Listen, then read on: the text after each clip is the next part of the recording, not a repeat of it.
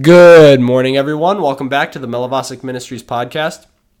Today I'm with my good acquaintance Hollie, Hello. and we're going to be talking about Pride Month um, because it is June. I think it's June 7th right now. Um, so, Hollie, start us off. June 9th. Oh, it's June.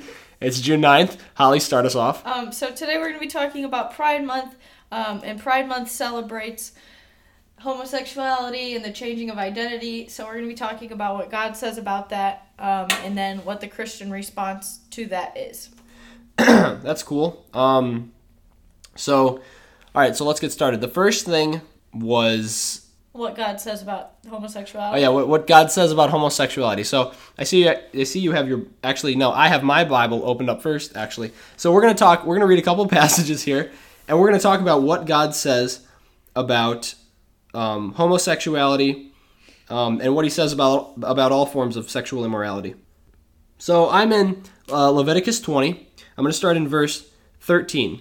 It says, "If a man lies with a male as with a woman, both of them have committed an abomination." They shall surely be put to death. Their blood is upon them. Um, and then this is um, under the section that is titled in my Bible, Punishments for Sexual Immorality. Right before then, it talks about if a man lies with his father's uh, wife. And then right after, it talks about if a man takes a woman and her mother also. So it's going into all these horrible forms of sexual immorality. And right smack in the middle is homosexuality, like it says, if a man lies with another man as a woman. So that's in Leviticus.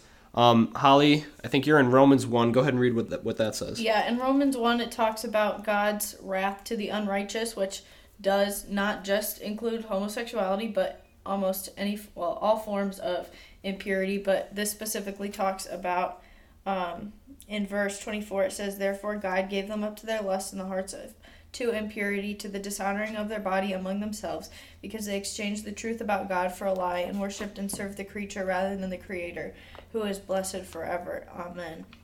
For this reason, God gave them up to dishonorable passions, for the women exchanged natural relations um, for the contrary to nature, and men likewise gave up natural relations with women and were consumed with passion for one another, men committing shameless acts with men, receiving in themselves due penalty for their error. Um, so obviously, in that passage, God says that it is unnatural for men to be with men and women to be with women.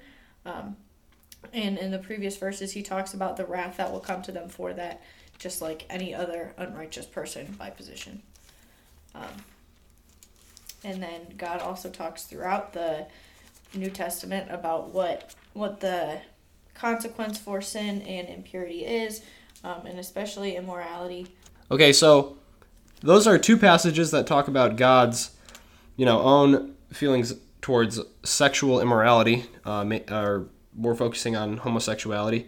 And one thing that happens a lot is Christians get baited into saying what they don't mean, and what they don't mean is that homosexuality is the, you know, the worst form of sexual immorality, or that you know it's somehow different or worse or not as bad as the rest of them. It's all just you know, I've heard this before that Jesus never mentioned homosexuality. Jesus never talked about it um, in his ministry on earth, but he actually did. He addresses it more than once, but he says sexual immorality. So when you read that, it's it's all you know, it's all forms of thought or act, not in the context of marriage.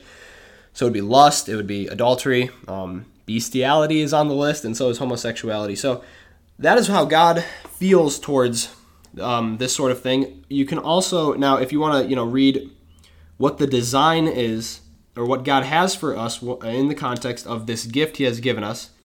So it also says in Ephesians five, Hollie, this is a passage that you also brought up. Ephesians five verse three, it says, "But sexual immorality and all impurity or covet uh, covetousness must not even be named among you, as is pro- as is proper among saints. Let there be no f- uh, filthiness, nor foolish talk, nor crude joking, which are out of place, but instead let there be thanksgiving. For you may be sure of this, that everyone who is sexually immoral or impure, or who is uh, covetous, that is, an idolater, has no inheritance in the kingdom of Christ and and God. So there's another passage that sort of um, makes the theological case for how God, you know, feels about homosexuality. I see these churches, what are they called? Affirming churches. We, we affirm homosexuality. We, you know, God is love. God wouldn't say these things that he's saying to us that we just read? I think God makes his case very clear towards sin, but people don't like to pinpoint that. So if somebody is going to clearly go against one sin or another, let's say abortion or homosexuality, or most of the time it has to do with sexual sin, but um, because it's uncomfortable, um, there's one side where Christians will pinpoint that and say, um, I'm uncomfortable with that sin, so that's what I'm going to go against. So, like, condemnation only to the sin that we're uncomfortable with, which is should not be the case. But then there's the other side who says, you know, it's actually okay. God doesn't actually say that. That's harmful. How could a loving God, you know, just send these certain people to hell or say this certain sin is wrong when in, you know, all sin is equal. I mean, certain sins do have more of a, um, a consequence if it when it plays out in your life, but um, God's holiness and our imperfection don't match up, and so we cannot pinpoint certain sins and treat them bigger or less than the other ones. So, all right, so what was the second thing we were going to talk about? In light of Pride Month itself, Christians should not come away reading the Bible and think it's okay to celebrate sin. Um, so, for, for a Christian to partake in celebrating homosexuality is not okay, but then how do you deal with it if you're a Christian and it's Pride Month and let's say you have a homosexual friend or a neighbor, um, it, you have a relationship with them of some sort.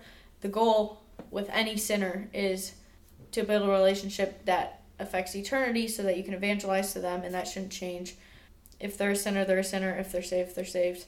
Um, and you want to deal with that, how the Holy Spirit directs. So, um, yeah, interesting enough, I would actually disagree with you on this point. We've had multiple conversations about how we as believers are supposed to act around and how to treat unbelievers, um, those whose hearts haven't been softened and those who are still dead in their sins.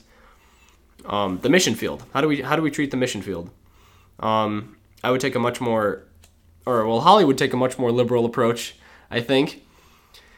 Um, and you know, I mean, this is the attitude of many Christians. Unfortunately, they're wrong that that it is required um, to have an, to have a relationship. You have to build upon this relationship that you have with you know your your unbelieving friends. I mean, we can get into it.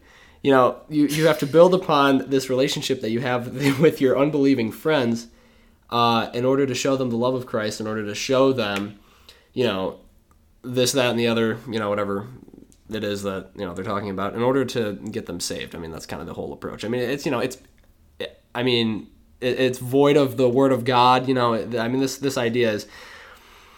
I mean, it's pretty. It's disastrous at times. You know, it can lead to sin. The Bible speaks against it, but you know, go ahead.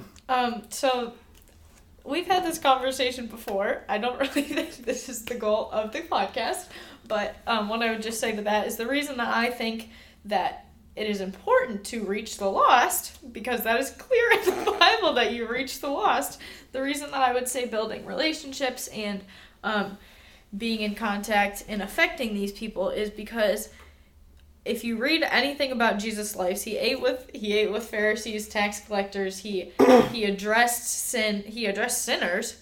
He he befriended sinners. He was called a friend of sinners. Jesus, friend of sinners, and he um on multiple occasions he comes to he addresses their physical problems and their sin problems and then he addresses their spiritual problems and um, for us to to just go beat around the bush and just get straight to the you're a sinner you need jesus which you should do. That is that is the whole goal of it. Um, just nobody who doesn't know you and doesn't know if you're if you're not presenting jesus in a loving way um, why would they why would not that we have to make jesus and we don't have to make him attractive because you know he's the one who reaches hearts but um to be in a relationship with them is a lot um of a better approach I would say. Yeah, so you know, I mean, we you know, we we disagree, right? And I say all this just to say that we are two Christians that disagree, and even though one of us is right and one of, his, one of us is wrong, and you know you can yeah um, I would also like you can take you can take you know you can take verses out of context you can take ideas out oh, of yeah. context but it is it is a relevant question for this episode even if it's not us going at it but us talking about it like what do we what do we do with the, these masses of people that are you know in the in the streets with flags and are doing obscene things in the street. This happens often, especially in June. What do we do with them? Do we you know are we friends with them?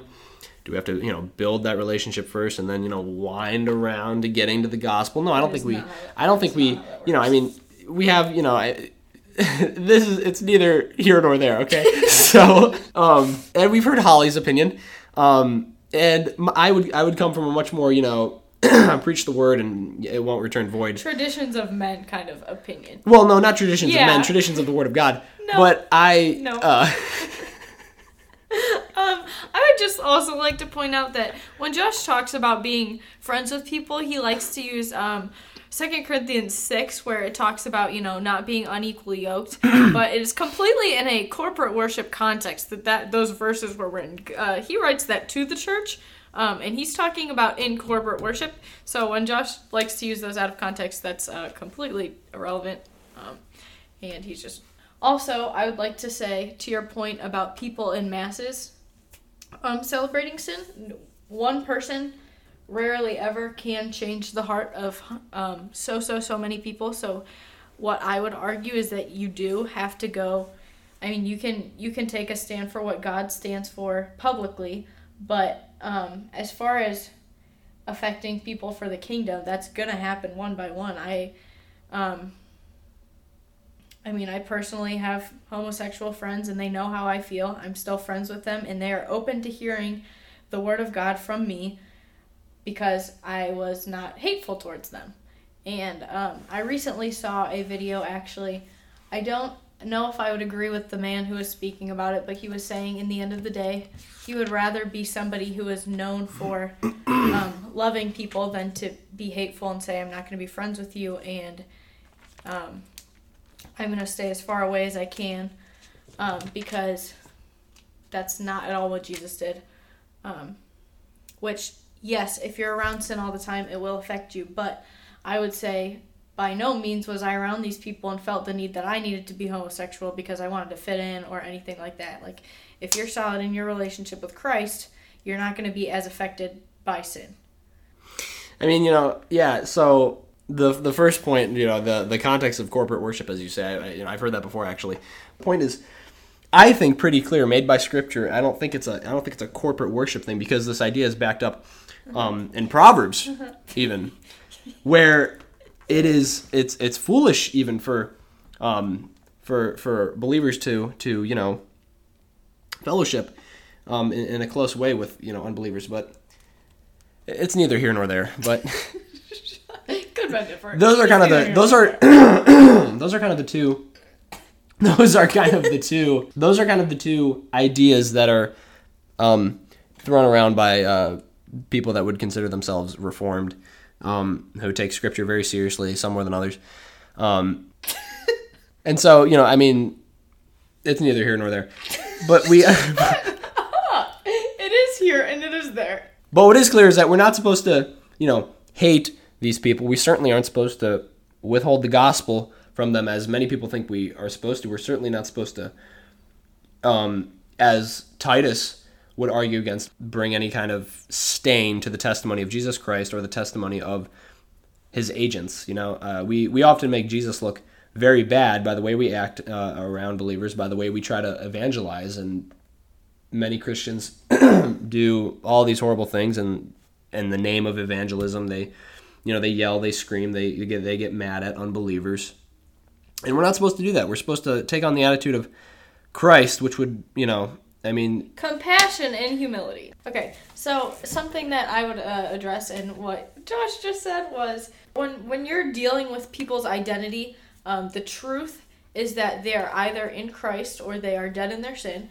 Um, and what I like to remind myself of when I'm dealing with a somebody who places their identity in a form of sin, I I was at one point as dead in my sin as they were, so I cannot put myself above them. Which in Christ, I, I do have something more valuable for eternity than they do, but my my compassionate attitude should just be in that they have they're dead in their sin and they need Jesus. So that's where the what Josh was saying about sharing the gospel, yes, that is very very important. Um, but I don't think we should put ourselves Fundamental, some would say. Others Bring not so much. back and fundamental. Others not so much. Um, no, everybody needs Jesus, Everybody does need Jesus. and I also once needed Jesus. I still need Jesus all the time, but Here's a here's a good question. While we're you know while we're in this realm, here's a good question that I'll ask you. Should we be telling um, unbelievers when we're evangelizing and and you know preaching the word um, and trying to share the gospel of Jesus Christ? Should we be telling them that Jesus loves them? If they if you have defined to them who the true Jesus is and what true love is, they will already know they will already know what is wrong about their position, but then you can if they know who Jesus is and if they know what true love is as the Bible defines, then it wouldn't be a problem. But if they don't know who if they have this false idea of Jesus, so if they let's say, you know, they think, you know, God loves all his children home I it doesn't matter how I live my life, God loves me. Um, that's not true, actually. The response to true conversion would not be that. Um, so they do need to know who the real Jesus is and then love. Um, they would need to know what true biblical God's love is before you're able to say that to them and them get the right idea. But, I mean, it's true, Jesus does love them. But if they have the wrong Jesus and they have the wrong kind of love, then it's not going to go anywhere. Okay, so that's a good you know that's that's good. I would completely agree. Um, now let me narrow it down further. According to Scripture, do you think Jesus loves everyone equally? Because you answered it well, but I don't, I don't think you were getting at what I what I'm getting We've at. Do you think so? Yes or no? Do you think Jesus loves everyone the same equally? Um, I think if you Do you think for God it- so loved the world that He gave His only begotten Son? Um, we've like I said, we've had this conversation before. If you are in a relationship, let's even go in the Bible where it talks about like a covenant relationship, you are going to love somebody more than if they're a stranger and they go against your ways. But God is perfect. We don't understand that. Um, this is a debated topic among among the theologians. Uh, I don't know. That's neither here nor there. But okay, so the third thing that we're going to talk about is impurity in, I guess, general. We're going to talk about impurity. So go ahead, Hollie. Like we said at the beginning, uh, the Bible makes itself very clear about how impurity um, should be dealt with inside the church and outside of the church for unbelievers. Um, but more importantly, how believers should deal with impurity um, in sin in general. But the the clear point is that you should just stay as far away from it as possible. Um, so one of my favorite uh, verses that addresses this is um, it says in 2 Timothy 2:22, so flee youthful passions and pursue righteousness, faith, love, and peace along with those who call on the Lord from a pure heart. So it addresses the active fleeing from immorality and impure youthful passions at the beginning and then the active pursuit of righteousness and things of God. Um, so if you're actively doing that and walking with the Lord as you should, it shouldn't really be a question. Homosexuality in general should not be a question, but your response to that should not be a question if you are actively pursuing righteousness. Yeah, so impurity is ob- obviously something to avoid at all costs. The Bible doesn't make the case to, by your own will, struggle against it and overcome it by just you know trying hard enough and uh, you know using brute force. It says flee these things, right? You just you run away from it because it is such an such an awful thing and such a thing that will destroy you and bring dishonor to God that you have to just completely flee from it. We all know the story of Joseph with Potiphar's wife and things like that. But what does God actually have for us? Because you know Christians also get scrutinized for uh, for being people that just try to you know avoid all of your you know all the things you want to do, all of your desires, all of your fleshly desires. That you just have to live this life of just not doing anything and not enjoying any of the things that God actually has for us.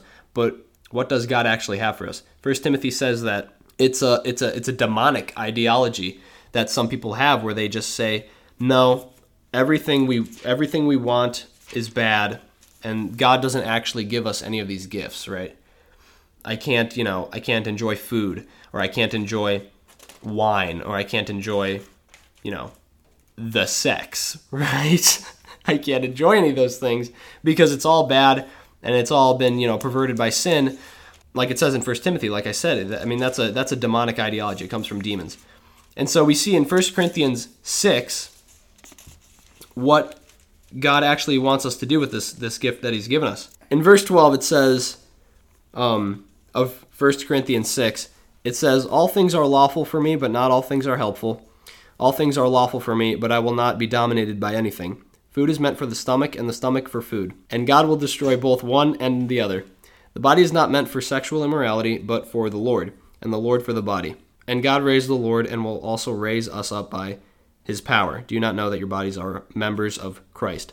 So he's saying here that the purpose of sex is for marriage. This is the way that it has been designed, and so it not only is it sinful, which is a much bigger issue, to do it another way, but it's also it also just doesn't work because it's not designed to be used in any other way outside of a you know a marriage between a man and a woman. And so now we see large groups of people that are going around and and celebrating these horrible perversions of this good gift that God has given us and it is I mean it is it is such a horrible and, ab- and abominable thing and we can never understand how, how bad it actually is.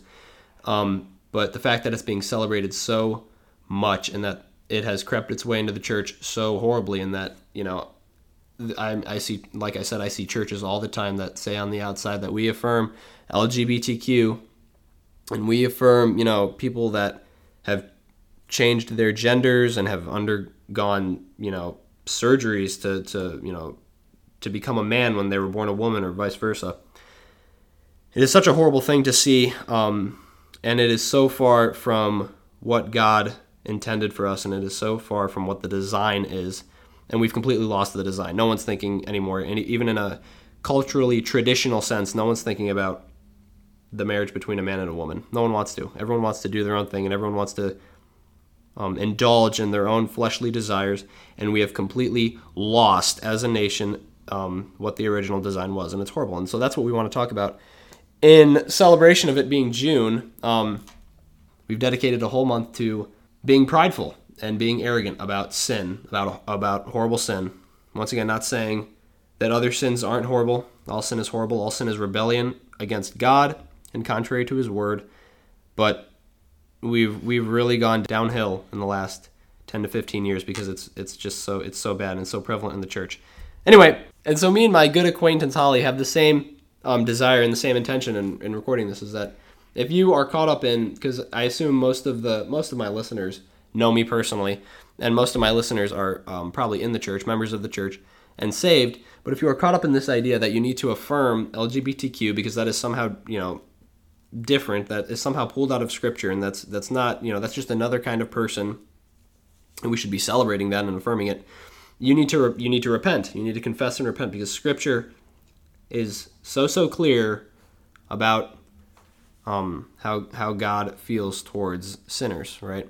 Um, they are they are uh, dead. They are dead and they're going to hell. Right? Everyone says love the sinner, hate the sin, but God doesn't send the sin to hell. He sends the sinner to hell. And so we need to call these people to repentance. Um, as as the church, the most loving thing you, you can do is to tell someone the truth and honestly, one of the And most do it in love. and do it in love. But one of the most unloving things you can do is to tell someone who is well on their way to hell um, because they are still dead in their sins. Uh, uh, the worst thing you can do is to tell them that they're perfectly fine and that God loves them and that you know they're they're going to spend eternity with God forever when they're not.